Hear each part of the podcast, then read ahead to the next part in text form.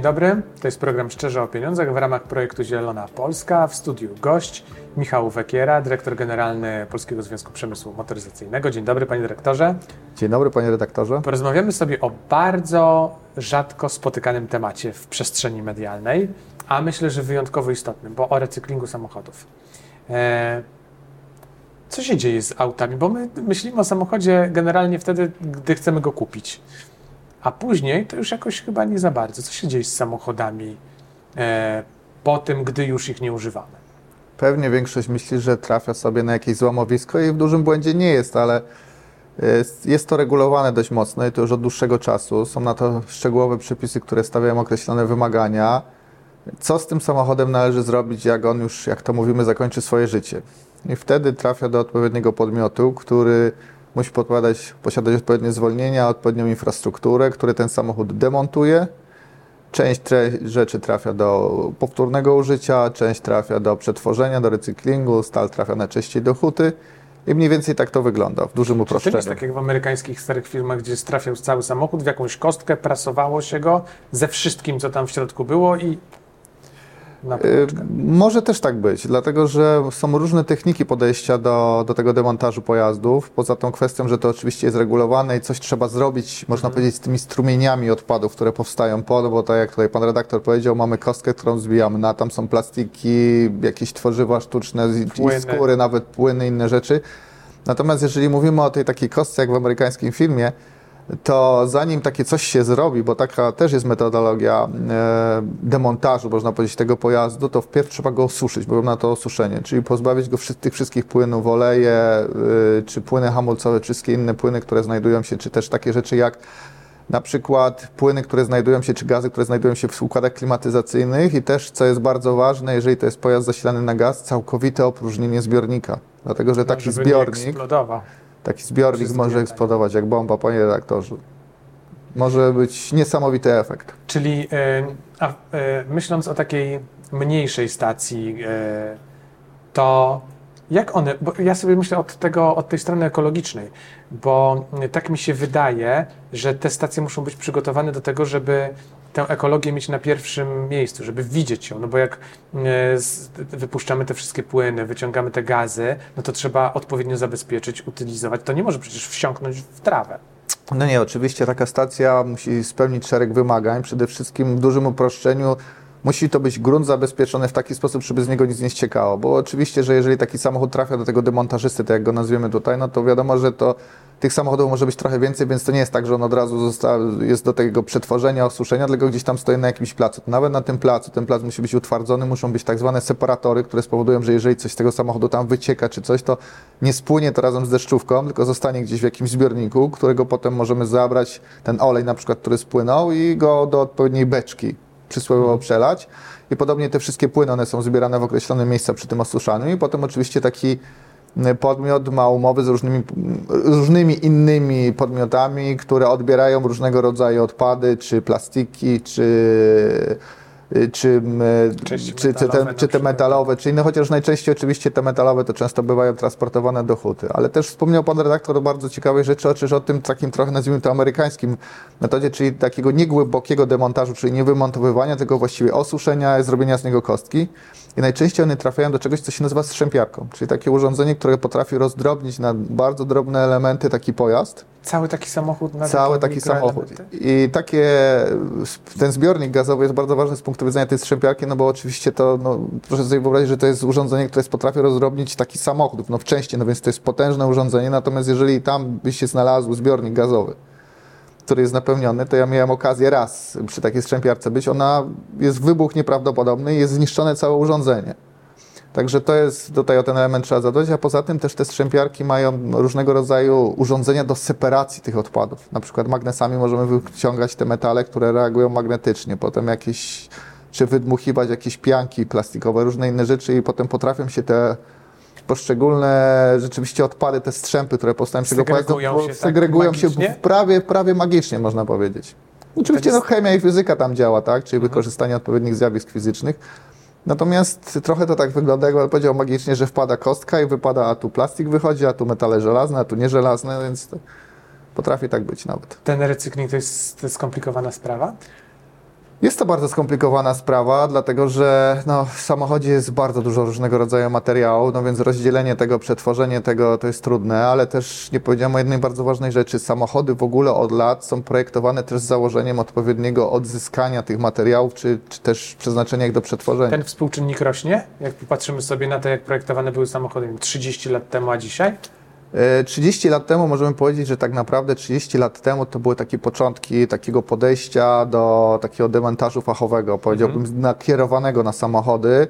2000 rok to jest ten moment, kiedy powstała szczegółowa legislacja w Unii Europejskiej, kiedy powstawały systemy dedykowane samochodów, kiedy te samochody zostały wyjęte, można powiedzieć, z tej ogólnej regulacji dotyczącej odpadów. I została, został utworzony akt prawny dedyktowany, za nim procedury, sposoby przetwarzania i też to, co pan redaktor wspomniał, poziomy odzysku, recyklingu, które i tak już są w tej chwili dość wysokie, bo one na początku były w okolicach 90% tego, co pozostaje z samochodu, żeby mogło tak. być odzyskane albo ponownie użyte.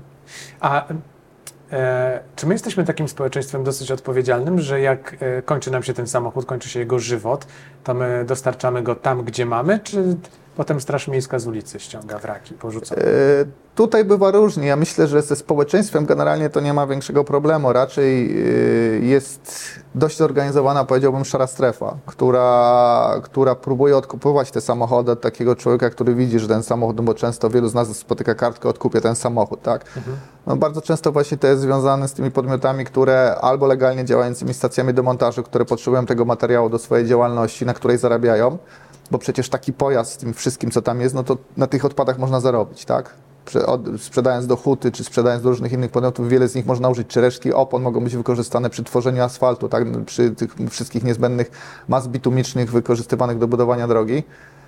E, natomiast problemem jest dość zorganizowana szara strefa, która bardzo często odkupuje te samochody po to, żeby wymontować z nich to, co jest najbardziej wartościowe, a pozostałą rzecz do przysłowego lasu. Katalizatory są wycinane już same z siebie na ulicy, ale jeżeli są, no to oczywiście katalizatory albo na przykład części, które można użyć ponownie i które dość dobrze się sprzedają, bo są popularne. I mhm. jest wymontowywane to, co jest dość popularne, co łatwo jest odzyskać, łatwo jest sprzedać, natomiast pozostała część do przysłowiowego lasu. No szkoda tego lasu.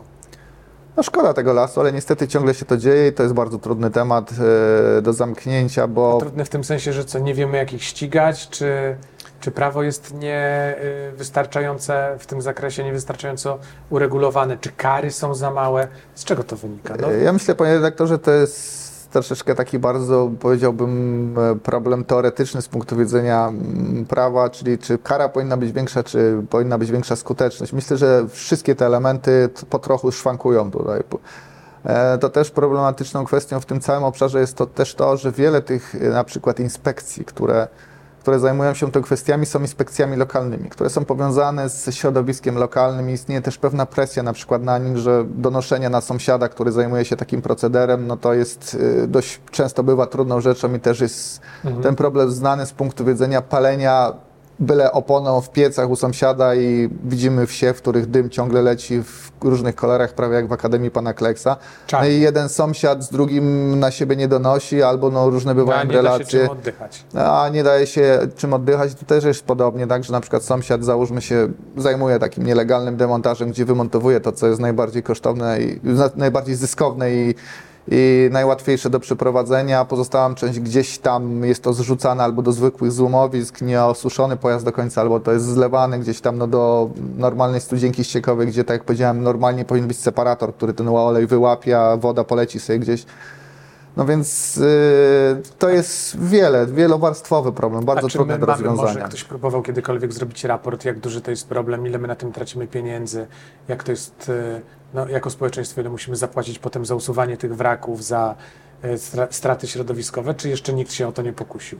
Yy, panie redaktorze, myślę, że oczywiście szacowanie szarej strefy jest dość trudne, ale co jest ciekawe, w jednym z projektów ustaw, która zmieniała ustawę właśnie o recyklingu pojazdów wycofanych z eksploatacji, taka próba została podjęta i ja już w tej chwili nie pamiętam, jaki to był procent, ale to był dość znaczny i to, co było trochę szokujące, to sam ustawodawca, czy proponujący ustawę wskazał, że w ogóle ta szara strefa istnieje dość w istotnym poziomie i to nie były liczby rzędu 1-2%, tylko to były parę 20, 10%, albo 20-30%.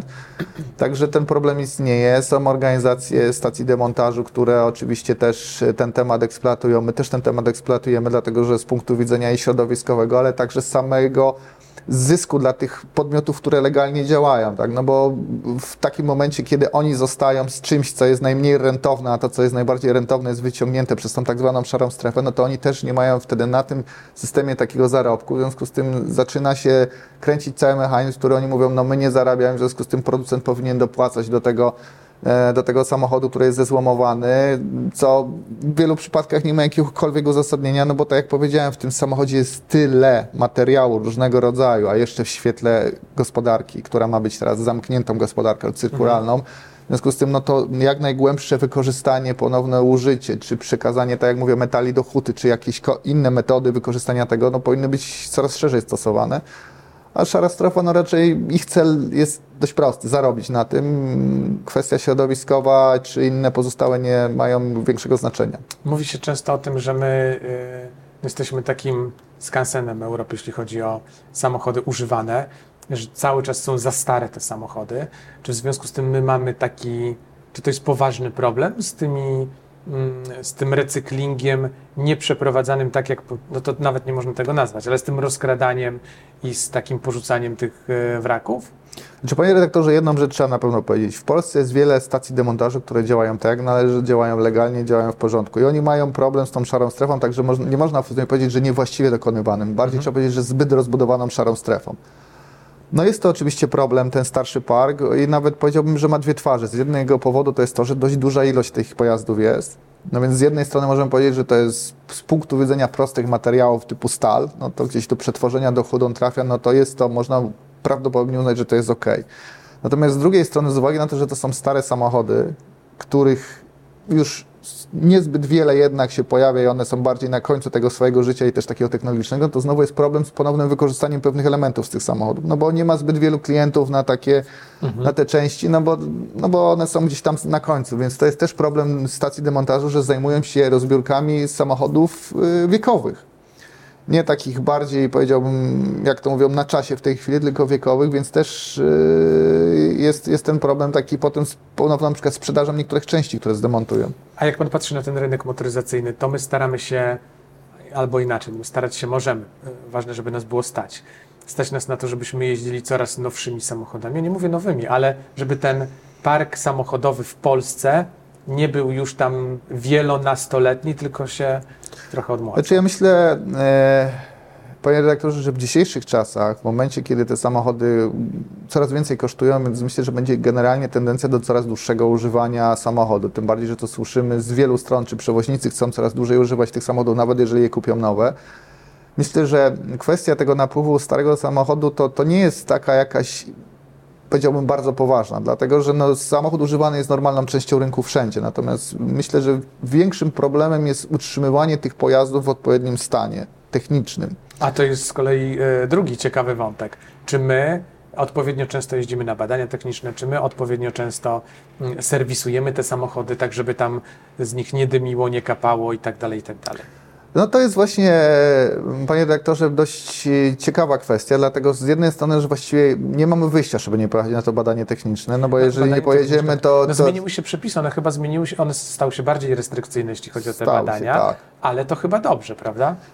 Myślę, że wie pan, no, lepiej by było stosować marchewkę niż kij, ale jest tego typu sytuacja, tak jak powiedzieliśmy, że jest wiele, wiele osób czy podmiotów, które kupują samochody w formacie takim, że bardzo stare, jeżdżą aż on zupełnie stanie za najmniejsze pieniądze, właściwie nic do niego nie dokładając i takie samochody są problemem. Myślę, że dużym problemem jest to, że e, stacje, które coraz lepiej działają, ciągle są takie, które przypuszczają troszkę przymykając oko te samochody, które niekoniecznie powinny być e, puszczone. No i drugą rzeczą, którą jest to, że wydaje mi się, że też mają do dołożenia tutaj troszeczkę służby, które myślę, że stoją z boku ulicy i widząc dymiący samochód, jednak powinny się pochylić nad tym problemem i coś tego kierowcy zapytać, a nie, nie reagować na tego typu sytuacje. strony tak sobie myślę o tych stacjach diagnostycznych I jeżeli my za badanie diagnostyczne cały czas płacimy taką samą stawkę przez wiele, wiele lat, ona się nie zmienia, jest ustawowo ustalona, to może tym diagnostom się po prostu nie chce. No, wszystko drożeje, e, a ich usługa kosztuje tyle samo.